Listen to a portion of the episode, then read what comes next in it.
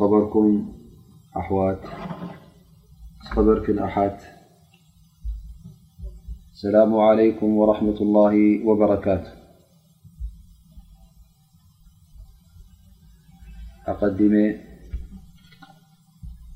شرح الشيخ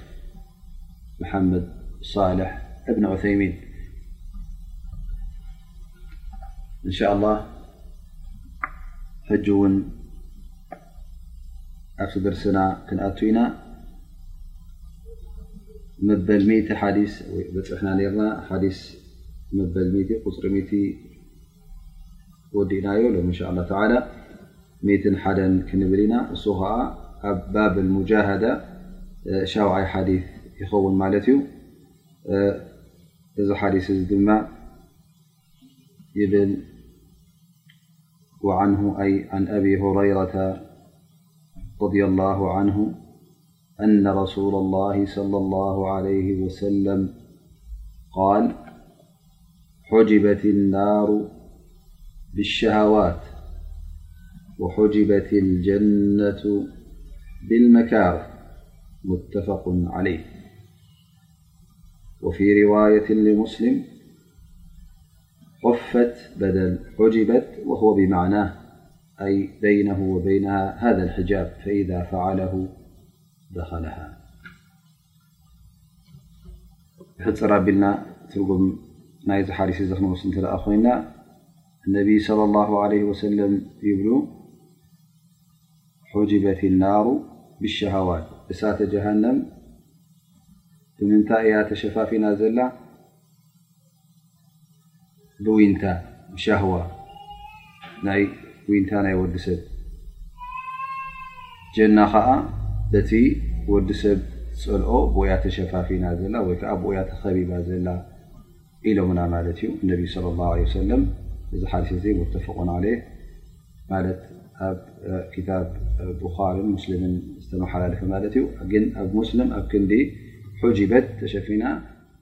ሑፈት ኣሉ ማለት ዩ ሑፈት ከዓ ተኸቢባ ማለት እዩ እሱ ከዓ ክልቲኦም ውን ሓደ ኣብ መጨረሻ ሓደ ዓይነት ትርጉም ዝሓዘሉ ይኾኑ ምክንያቱ ሑጂበት ክብል ከሉ ከኣ እዛ ጀና ይኹን እታ ጀሃንም እቲ ዊንታ ናይ ወዲ ሰብ ይኹን ወይ ከዓ እቲ ወዲ ሰብ ዝፀልኦ ከም መጋረዲ ኮይኑ እንተ ነዚ ገይርዎ ሓሊፉ ነዚ መከላኸሊ እዚ ሰጊርዎ ማለት እዩ እንተ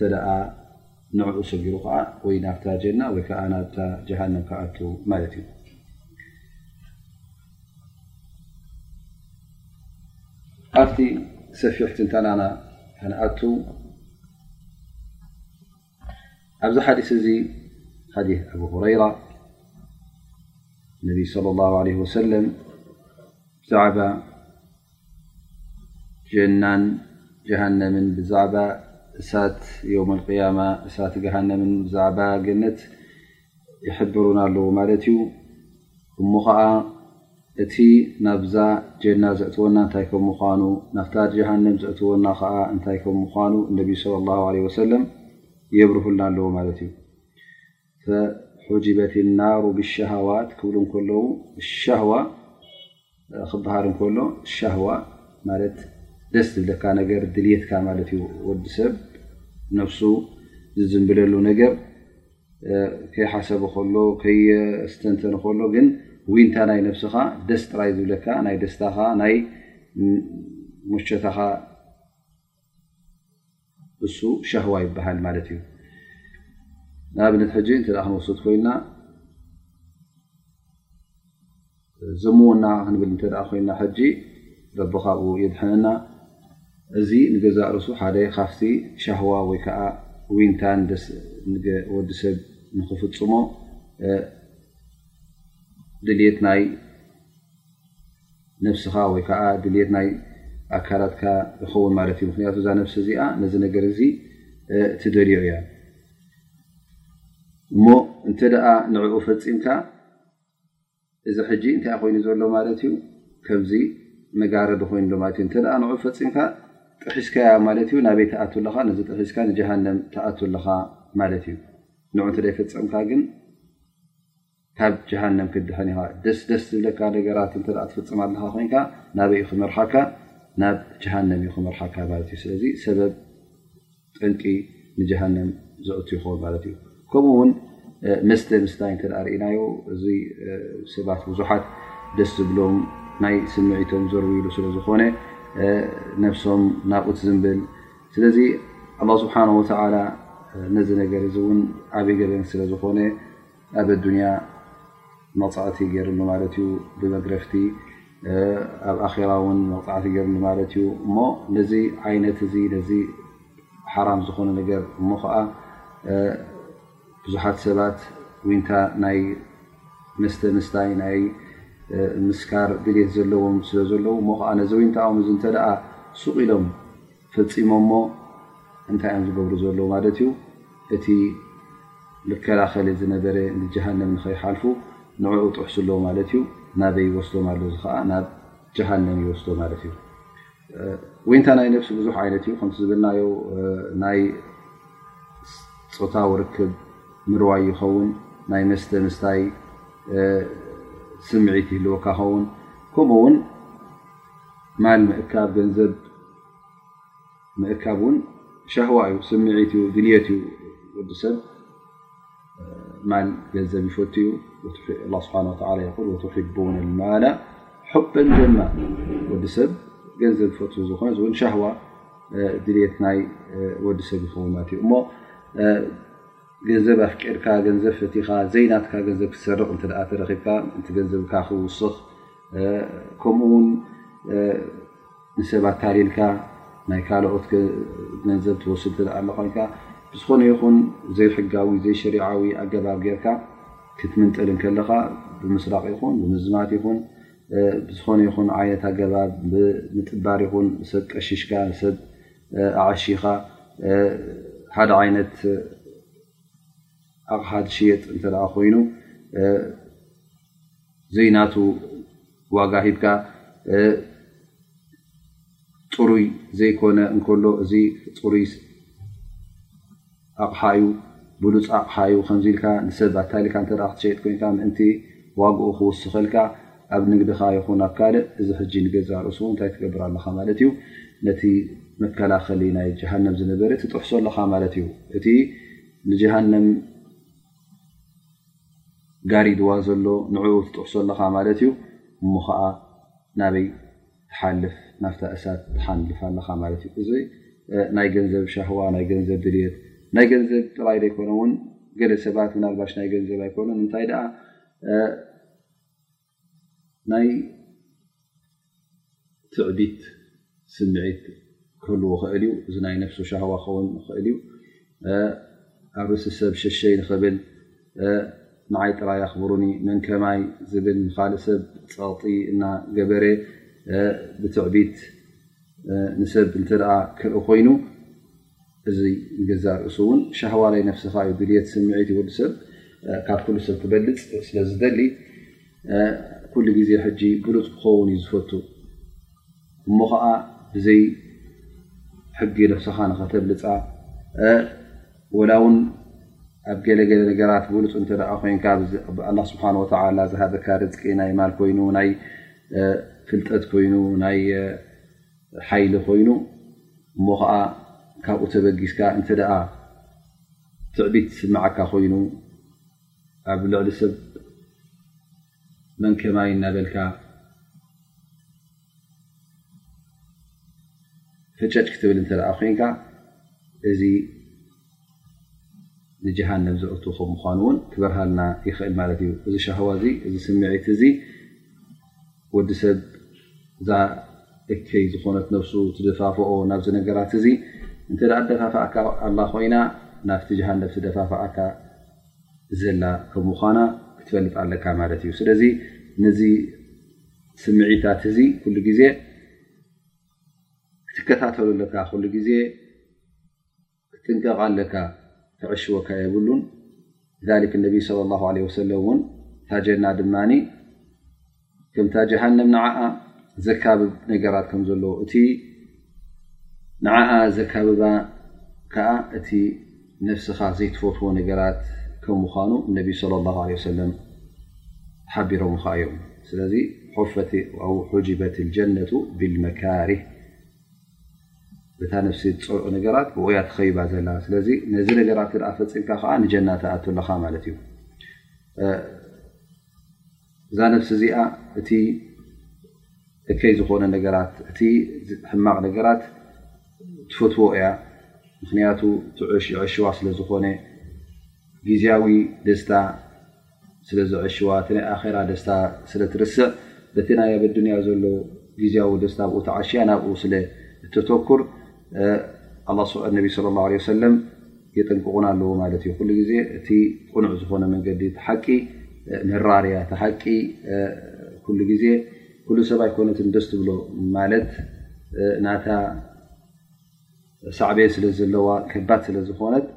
እታ ሓቂ እውን ቀላል ከም ዘይኮነት ንክትስከማ ሒዝካያ ንክትከይድ ዓቲርካያ ንክትከይድ ቀሊል ነገር ስለ ዘይኮነ ነቢ ስለ ላ ለ ወሰለም እታ ጀና ሑፈት ቢልመካር ኢሎም በቲ ሰብ ዝፀልኦ ብኡያ ተኸይባ ዘላ ስለዚ ነዚ ነገራት ኣ ፈፂምካ ነቲ ነብስኻ እተኣብዮ ነቲ ነብስኻ ደስ ዘይብላ ምስቲ ዊንታ ናታ ዘይሰማማዕ ናብኡ ክትመርሓ ኣለካ ማለት እዩ ካብቲ ዊንታኣ ምእንቲ ክትረኸብ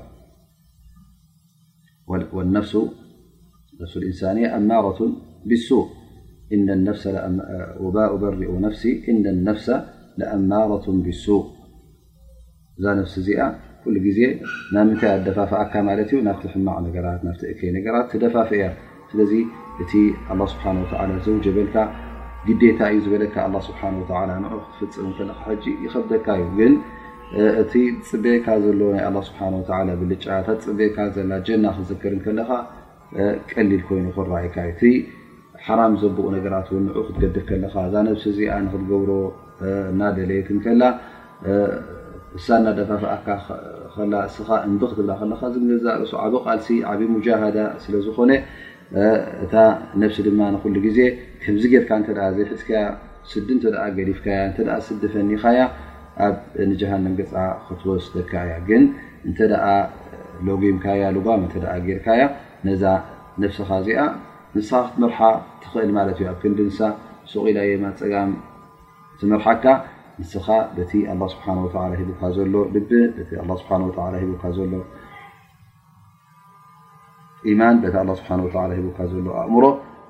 ክትቆፃፀራ ትኽእል ነታ ነብስኻ ምክንያቱ ስኻ እንስሳ ኣይኮንካ እንታይ ደኣ ወዲ ሰብ ኢኻ ኣላ ስብሓን ወላ ፈልዩ ንዓኻ ኣእምሮ ሂቡካ ኣሎ እትርድኣሉ እትመዝነሉ ስለዚ ናብ ጀና ውን ሒዝካያ መሪሕካያ ክትከይድ ኣለካ ማለት እዩ ስለ እተ ርእና ሕጂ ሰባት መብዝሕቶም ወላ ውን ኣስላማይ ኮይኑ በዓል ኢማን ኮይኑ እናረኣናዮ ከለና እታ ኣላ ስብሓን ወተላ ዝተኣዘዛታ ቀንዲ ነገር ሳብ ሰላት ንገዛ ርእሳ ሰብ ከም ከባድ ኮይና ትስምዖ ማለት እዩ ምናልባሽ እቲ ቁሪ ዝበርትዓሉ እዋን እተ ውዱእ ክገብር ኮይኑ እተ ማይ ውዑይ ዘይብሉ ወይ ከዓ ማይ ውዑይ ውን ኣለዎ ኮይኑ እ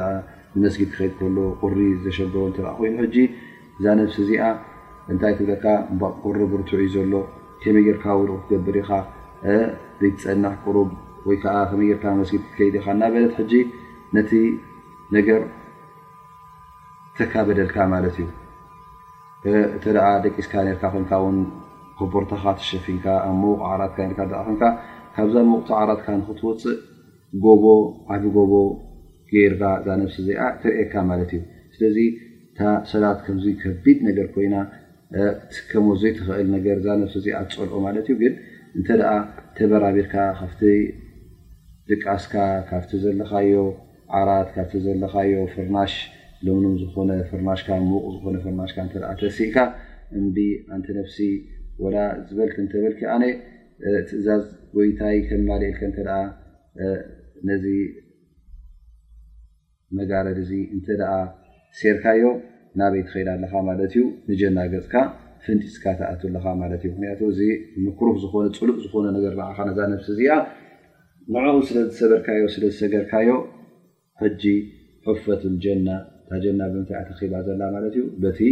ነፍሲ ወዲ ሰብ ዘይፈትፈትዎ ምስቲ ዊንታ ናታ ዘይሰማማዕ ፀላዕላዕ ዝብለካ ነገር እተ ኮይኑ እዚ እዛ ነብሲ እዚኣ ኩሉ ግዜ ኣብ ማራቢሱ ጥራይ ናብ ሕማቕ ትመርሕ ስለ ዝኾነት ስለዚ ክትቆፃፀር ኣለካ ማለት እዩ ንስኻ ንሕማቕ ነገር ተፀዊዓትካ ኣብ ረቢ ዘይፈትዎ ነገር ሸርዒ ኣላ ስብሓን ወተላ ዘይቀበሎ ከም ዝምውና ክዝጠቐስናዮ ከም መስተ ምስታይ ከም ሰብ ምዕማፅ ዘይናትካ ገንዘብ ብኡ ንምህፍታም እዚ ኩሉ ነገራት ክኣ ደለላ ኮይና እስኻ ኢኻ ክትቆፃፀራ ዝለካ እሞ ከዓ ናበይ ክትብል ኣለካ ማለት እዩ ጨዊኻ ብሓይሊ ናብቲ ሓቂ ክትወስዳ ኣለካ ናፍቲ በገደ ቅንዕና ክትወስዳ ኣለካ ካብቲ ሻህዋን ካብቲ ዊንታን ከተርሕቅቃ ኣለካ ወላ ውን እዛ ነብሲ እዚኣ እና ፀላኣቶ ከላ ፅባሕ ንግሆ ከተዕርፍ ስለ ዝኾነት ኣብ ጀና ሎሚ ወላ ውን ኣብ ዱንያ እቲ ጉዳይ ከቢድ ኮይኑ ይሰማዓ ግን ፅባሕ ንግሆ እቲ ዘለኣለማዊ ደስታን ዘይውዳእ ፍስሃን ንዕኡ ክትዘከራን ከለኻ ነዛ ነብሲ እዚኣ ክትመርሓ ኣለካ ማለት እዩ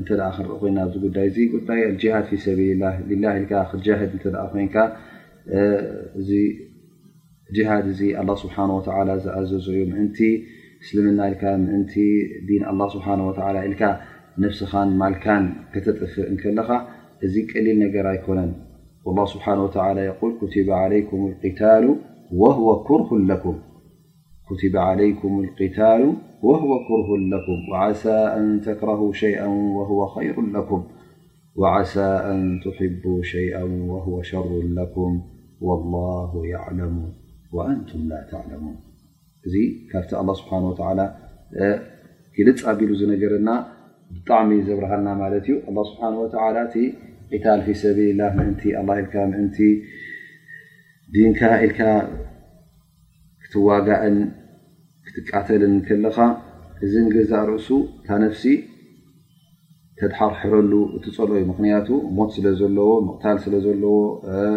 ገንዘብ ምጥፋእ ስለ ዘለዎ ካብ ኣዱንያ ምውፃእ ምርሓቅ ስለ ዘለዎ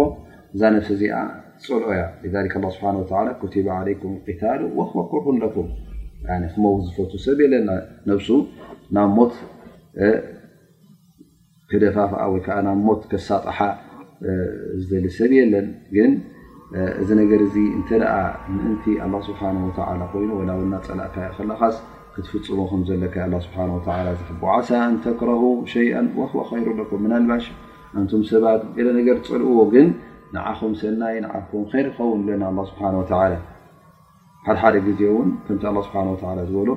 ዓሳ ኣን ትሕቡ ሸይኣን ወህወ ሸሩ ለኩም ንስኻ ትፈትዎ ገለገለ ነገራት እውን ንዓኻ ዝጎድእ ክኸውን ይኽእል እዩ ኣብ ኣዱንያኻ ይኹን ኣብ ኣኼራኻ ግን ንስኻ ብዘይ ምስትውዓል ፅቡቕ ኮይኑ ይስምዓካ ፅቡቕ ጌርካ ስለ ዘይሓሰብካዮ እቲ ጉዳይ ኣዳቂቕካ ስለ ዘይጠመትካዮ ፅቡቕ ኮይኑ ይስምዓካ እሞ እሞ ትፈትዎ ግን ኣላ ስብሓን ወተዓላ ምናልባሽ እዚ ትፈትዎ ዘለኻ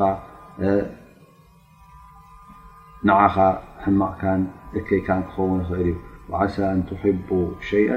ወሁወ ሸሩ ኣለኩም ኣብ መጨረሻ ኣላ ስብሓን ወተላ ይብለና ወላሁ ያዕለሙ ወኣንቱም ላ ተዕለሙን ኣላ ስብሓን ወተላ እዩ ዝፈልጥ ኩሉ ነገራት ንስኹም ከዓ ትፈልጥዎ ነገር የብልኩምን እንታይ እዩ ዝጠቕመኩም ኣላ ስብሓን ወተላ እዩ ዝፈልጡ እንታይ እቲ ዝጎድኣኩም ኣላ ስብሓን ወተላ እዩ ዝፈልጡ እቲ ናይ ብሓቂ ብሓቂ ብሓቂ ጥቕምታት ኣላ ስብሓን ወተላ እዩ ዝፈልጦ እቲ ብሓቂ ብሓቂ ጎዳኢ ዝኾነ እውን ኣላ ስብሓን ወላ እዩ ዝፈልጦ ስለዚ ኣላ ስብሓን ወተላ ዝኣዘዘካ ንጥቕምኻን ንኼርካን ከም ምዃኑ ክትፈልጥ ኣለካ ኣላ ስብሓን ወተላ ዝኸልከለካ ንጥቕምኻን ንኼርካን ክኸውን ከም ዝኾነ ክትፈልጥ ኣለካ ከምኡ እውን ካብ እከይን ካብ ሕማቕን ከም ዘርሕቐካ ክትረጋገፅ ኣለካ ማለት እዩ ስለዚ እንተ ነዚ ነገር እዚ ነዚ ትፀልኦ ነገር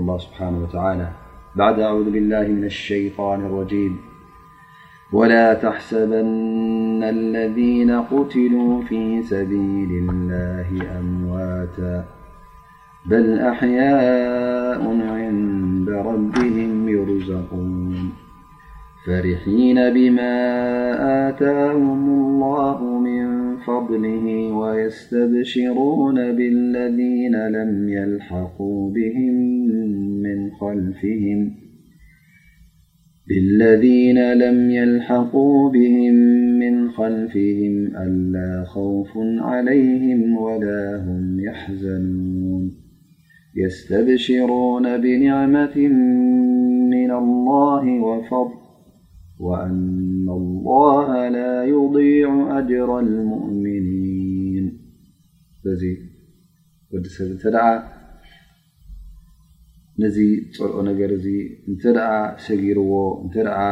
ሰይርዎ ሓሊፉ ንጀና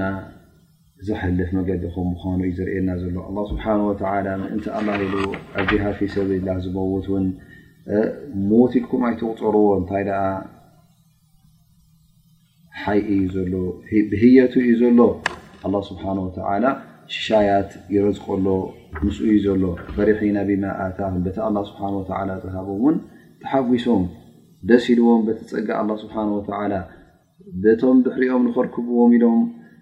ዝቃለሱ ዘለዉ ውን ንዕብኦም ውን ይብሰሩ ማለት እዩ ሽዑ ውን ኣላ ስብሓን ወተላ ኣጀኹም ድሕሪ ሕጂ ትፈርህዎ ነገር የብልኩምን ዘጉየኩም ነገር እውን የለን እናበል ኣላ ስብሓ ወ ኣብቲ ንዕማ ኣብቲ ሰናይ የንብሮም ማለት እዩ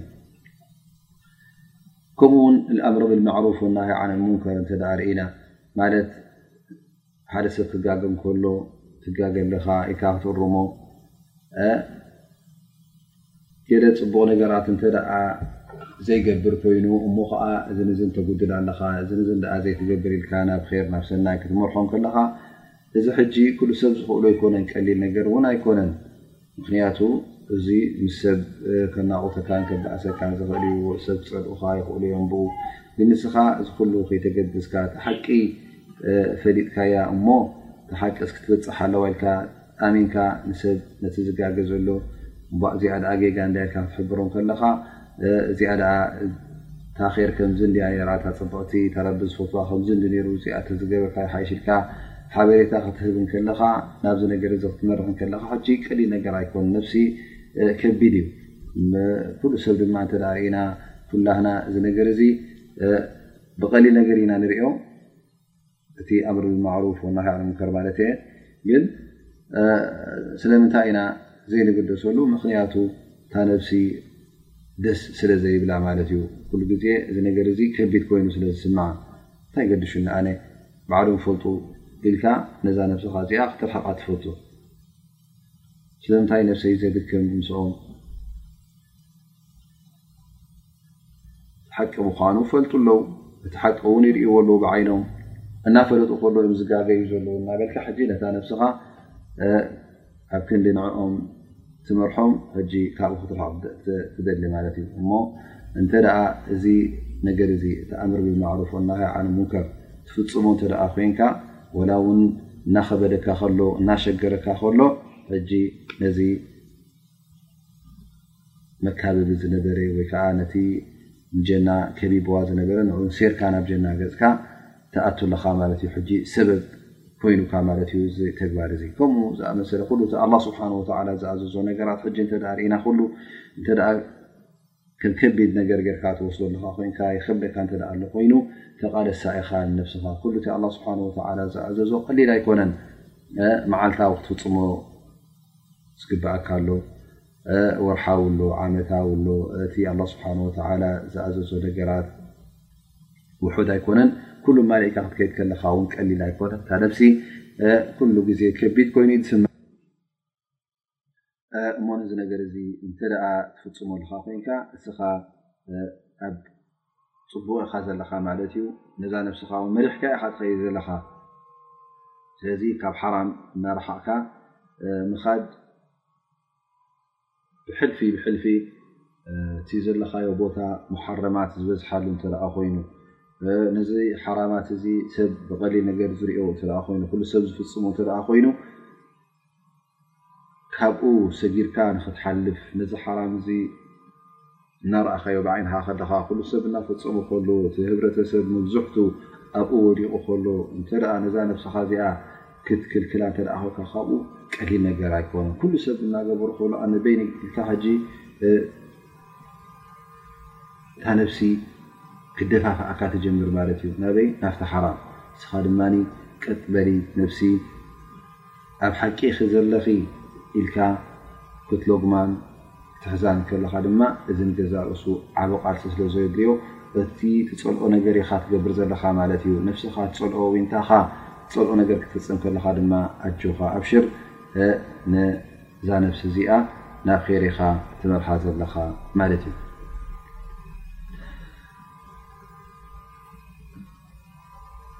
ከምቲ ዝበልናዮ እቲ ሓራም ዘለዎ ዝበዝሖ ቦታ ምናልባሽ ኣብ ዓዲ ኣስላም ይኹን ኣብ ዓዲ ክሕደት ይኹን ክርከብ ዝከኣል ማለት እዩ። ምክንያቱ እቲ ሙንከራት ክንሪኦ ከለና ብቢዓይነት እዩ ዘሎ። ገለገለ ሙንከራት ኣብ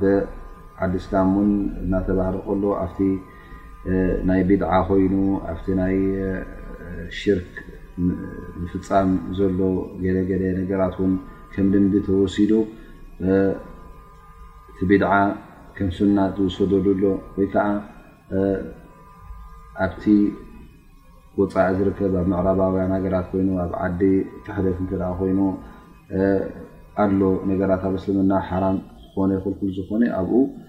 ድላይካ ንክትፍፅም ክፉት ቦታ ይኮነልካ ማለት እዩ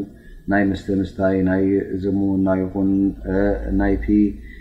ካልእ ነገራት እንተ ርእካዮ ናይ ሪባ ናይ ቁማር ይኹን ናይ ሓረጣ ይኹን እዚ ነገራት እዚ ብቀዲል ክትረክቦ እትኽእለሉ ቦታ እንተ ኮይኑ እዚ ሕጂ እንታይ የድልካ ማለት እዩ ዓብ ቃልሲ የድልካ እተ ተቃሊስካ ድማ ንጀና ሰበብ ንጀና መእትዊ ትገብር ኣለኻ ማለት እዩ ነቢ صለ ላ ለ ወሰለም እቶም ሸውዓተ ሰባት ኣብ ዮም ቅያማ ኣላ ስብሓን ወተላ ኣብ ትሕቲ ፅላለቱ ዘፅሎም ክጠቀስም ኮይኑ እንታይ ብል እታ ፀሓይ ቃርእስኻ ትቐርበሉ እዋን ብጣዕሚ ትረስነሉ እዋን እዛ ፀሓይ እዚኣ ኣብቲ መዓልቲ እቲ ብጣዕሚ ኣሸጋሪት እያ ላኪን ኣላ ስብሓን ወተላ ኣብዚ መዓልቲ እዚ ኣደዉ ዘፅሎም ኢሉ ማለት እዩ መን እዮም ሓደ ካብኣቶም ሻብ ነሸኣ ፊ ጣዓት ላህ ኢሉ ኣላ ስብሓ ነቢ ስለ ላ ለ ሰለም ዘኪርዎ እዩ ፅላል ዘይርከበሉ ሓደ ካብኣቶም ከምቲ ዝበልናዮ እቲ ብ ኢማም ዓድል ጠቂሱ ማለት እዩ ኢማም ዓድል ማለት ከዓ እንታይ እዩ እቲ ፍትሐኛ ዝኾነ መራሒ ፈፂሙ ዘይጋገ ማለት ፈፂሙ ናብ ኣዝማዱ ይኹን ናብ ዝፈትዎም ሰባት ዘይዝንብል እንታይ ደኣ መገዲ ሓቂ ሒዙ ከይዱ ኩሉ ግዜ ብሓቂ ዝፈር ካብ ሓቂ ፈልከት ዘይብል ነቲ ኣላ ስብሓን ወተዓላ ዝኣዘዞ ኣብ ግብሪ ዘውዕል ክፈርድ እንከሎ ክታብ ኣላ ህንድሱና ንብል ዝፈርድ ንነፍሱ ከይበለ ነዝማዱ ንኣሕዋቱ ከይበለ እታ ጉዳይ ከምቲ ኣላ ስብሓን ወተላ ዝሸረዓ ገይሩ ክፈርድ እንከሎ እዚ ሕጂ እንታይ ማለት እዩ እዚ ንገዛርእሱ ቀሊል ነገር ኣይኮነን ዓብ ነገር እዩ ከምኡ ውን ከምዝበልና ሻቡን ነሻ ፊጣዓት ላ መንእሰይ ክበሃል እንከሎ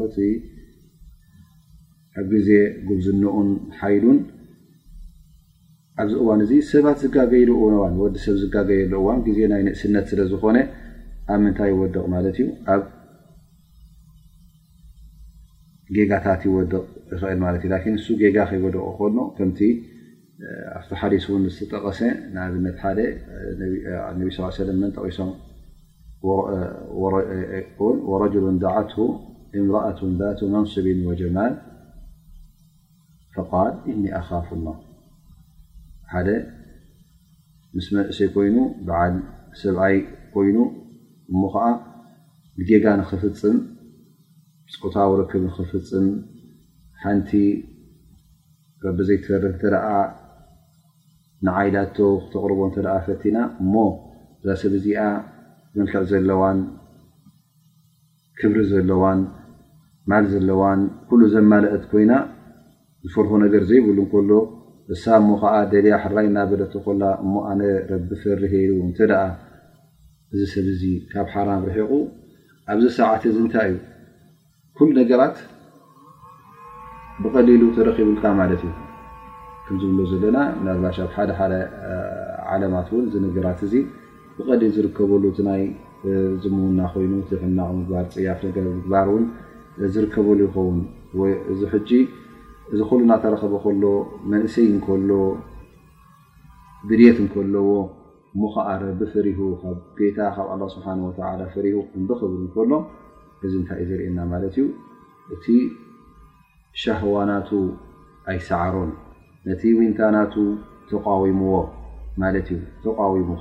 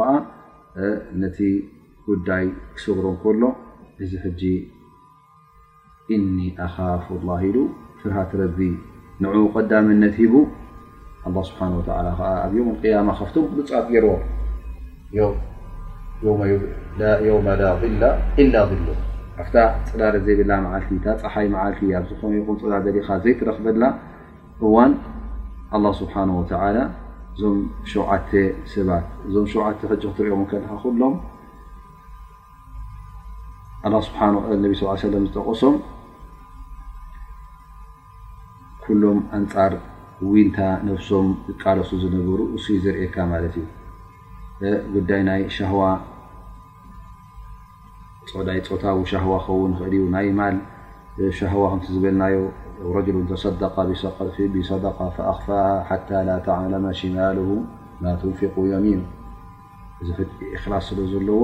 ቀዳማይ ነገር ይህብ እናሃበ ከሉ ከዓ ብስቱር ብሐቡእ ይህብ ወዲ ሰብ ይህብ ከም ዘሎ ንክፍለጥ ለጋስ ንክበሃል ይደልዮ እዚ ሕጂ ዊንታ ናይ ነብሲ እዩ ንስኻ ሰብ ከም ለጋስ ምኳንካ በዓል ር ከም ምኳንካ ክፈልጡኻ እዚ ሕጂ ኩላና ዊንታ ናይ ነብስና እዩ ብፅቡቕ ንክንፍለጥ ኢና ንደሊ ግን እዚ ሰብ እዚ እክላስ ስለ ዘለዎ ብዘየገድስ ሰብ እንታይ ኢሎምኒ እንታይ ኣለዎም ብኣይ ርእቶ ማለት እንታይ ዓይነት ርእቶ ኣለዎም ብኣይ ከይበለ ከሎ እንታይ ደኣ ቅጥራይ ኣብ ቅድሚ ኣላ ስብሓን ወተዓላ ይፈለጠለይ ኢሉ ገንዘቡ ንመሳኪን ክስደቕ እንከሎ እዚ ሕጂ እንታይ እዩ ዘርእካ ማለት እዩ እቲ ሻህዋ ናይ ናቱ ስምዒት ናቱ ንዕኡ ይነፅግ ኣሎ ማለት እዩ ስለዚ እታ ሓዲ ንገዛእ ርእሳ እዛ ሓዲስ ናይ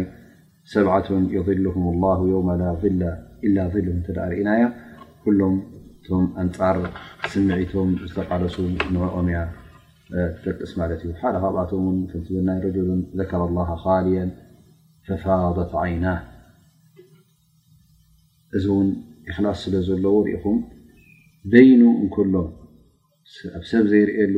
ኣብ ሰብ ዘይርዮ ቦታ ኮይኑ ንኣላ ስብሓን ወተላ ዘኪሩ ዓይኑ ዝነብዕ ማለት እዩ ኸውፈ ምና ላ ሰብ ክርእሉ ዘይኮነ እንታይ ደኣ ርሒቑ ካብ ሰብ ኣብ ፅምዋ ቦታ ኮይኑ ንኣላ ስብሓን ወተላ ዚክር እናገበረ ከሎ ክቱር ፍርሃት ኣላ ስብሓን ወተዓላ ዓይኑ ጥረብረብ ዝብል ሰብ እዚ ሕጂ ብጣዕሚ እኪላስ ዘለዎ ይኸውን ማለት እዩ ሰብ ክሪእሉ ይኮነን እዚ ብክያት ዝበኽ እዩ ካብ ሰብ በዓል ፈራህ ረቢ ንክበሃል ኣይኮነን እንታይ ደኣ ናይ ብሓቂ ኢኽላስ ስለ ዘለዎ ስለዚ ስምዒት ናቱ ደስ ኢልዎ ወይ ከኣ ንነብሱ ኣብ ኣዱንያ ዝረኽቦ ነገር ዘየለ ኣብ ኣዱንያ ዘሎ ነገር ክረክብ ዘይኮነ እንታይ ደኣ ንሊላህ ስብሓን ወተዓላ ኢሉ እዩ መቸም ዝኾነ ኮይኑ ከምቲ እዛ ሓዲስ እዚኣ ዝጠቀሰቶ እታ ጀሃንም ኩሉ ግዜ መንገዳ ምስ ስምዒትካ ዝኸይድ እዩ ቀሊል እዩ ናብኣ ንክትኣቱ ቀሊል ከም ምኳኑ እታ ናይ ጀሃንም የርእየና ማለት እዩ ጀና ግን ንክትኣትዋ ቀሊል ከም ዘይኮነ ናብ ጀሃንም ዘእቱ ኩሉ ግዜ እታ ነብስኻ ደስ ዝብላ ነገራት ዝፍትፈትዎ ነገራት እዩ ናይ ጀና መንገዲ ግን ኩሉ እንታይ እዩ እታ ነፍሲ እትፀልኦ ስለዚ ነፍስኻ ተቓለሳ ናብቲ ኣላ ስብሓን ወተላ ዝፈትዎ ምርሓያ ወላ እውን ንሳ እናፀላኣቶ እናኸበዳ ከሎ እዚ ነገር እዚ እውን ፍቱን እዩ ኣብ ዓለም ርኡዩ ማለት እዩ ነብስኻ እተ ፅቂጥካያ እተ ኣገዲድካያ ናብቲ ኣ ስብሓ ወ ናብ ጣዓት ላ እተ መሪሕካያ ኣብሽር ዳሕራይ እቲ ጣዓ ንገዛእ ርእሱ ክትፈትዎ እያ ደስ ክብላ እዩ ምክንያቱ እቲ ር ስለ ዝለመደት እቲ ፀልኡ ዝነበረት ውን ኣላ ስብሓን ወተላ ከፍትዋ እዩ ግን እንተ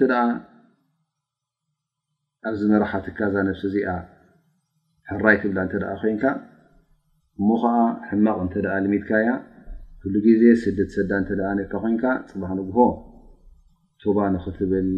ኣብ መገዲ ኣላ ስብሓ ወላ ንክትምልስ ከቢድ እዩ ቀሊል ነገር ኣይኮነን ቀሊል ነገር ኣይኮነን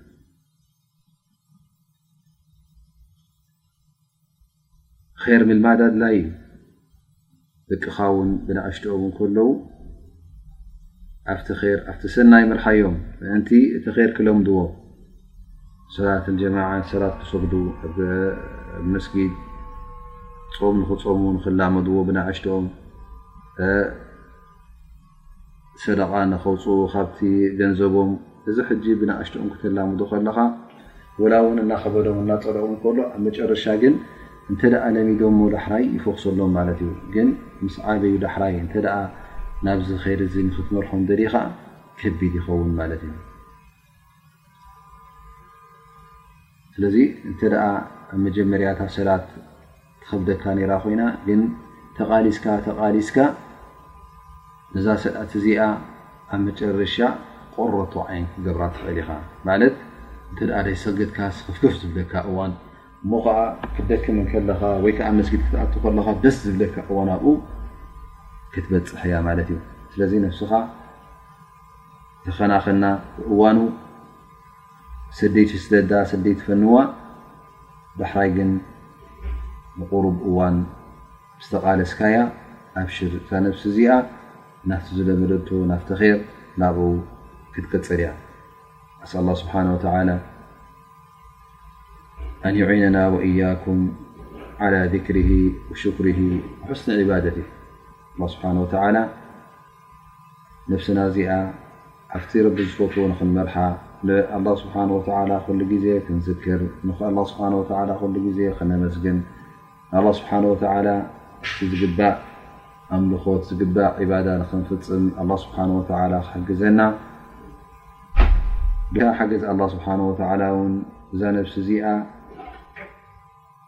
ናሕና ዝኾነ ይኹን ፈቲንካ ተቓሊስካ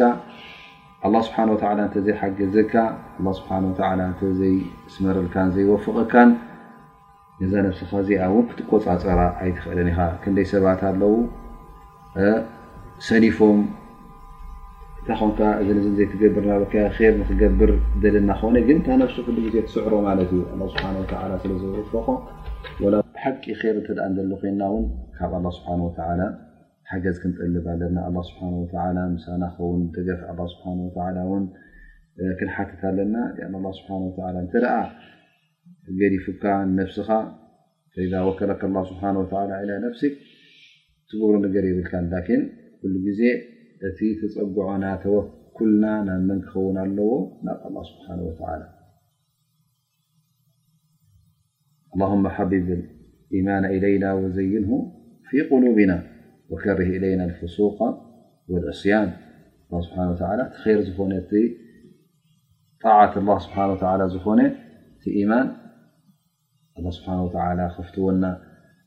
ፅቡቕ ገይሩ ንኸርእየና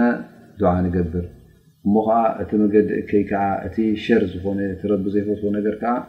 ኣላ ስብሓን ወተላ ንዘይ ነገራት እዙ ካብ ልብና ከውፅኦ ከፅልኣና እውን ዱዓ ክንገብር ኣለና ማለት እዩ ምእንቲ ኣብ መጨረሻ ናብቲ እንደልዮ ጀና ናፍታ እንፈትዋ ቦታ ዘለኣለማዊ ደስታን ፍስሃን እንረኽበላ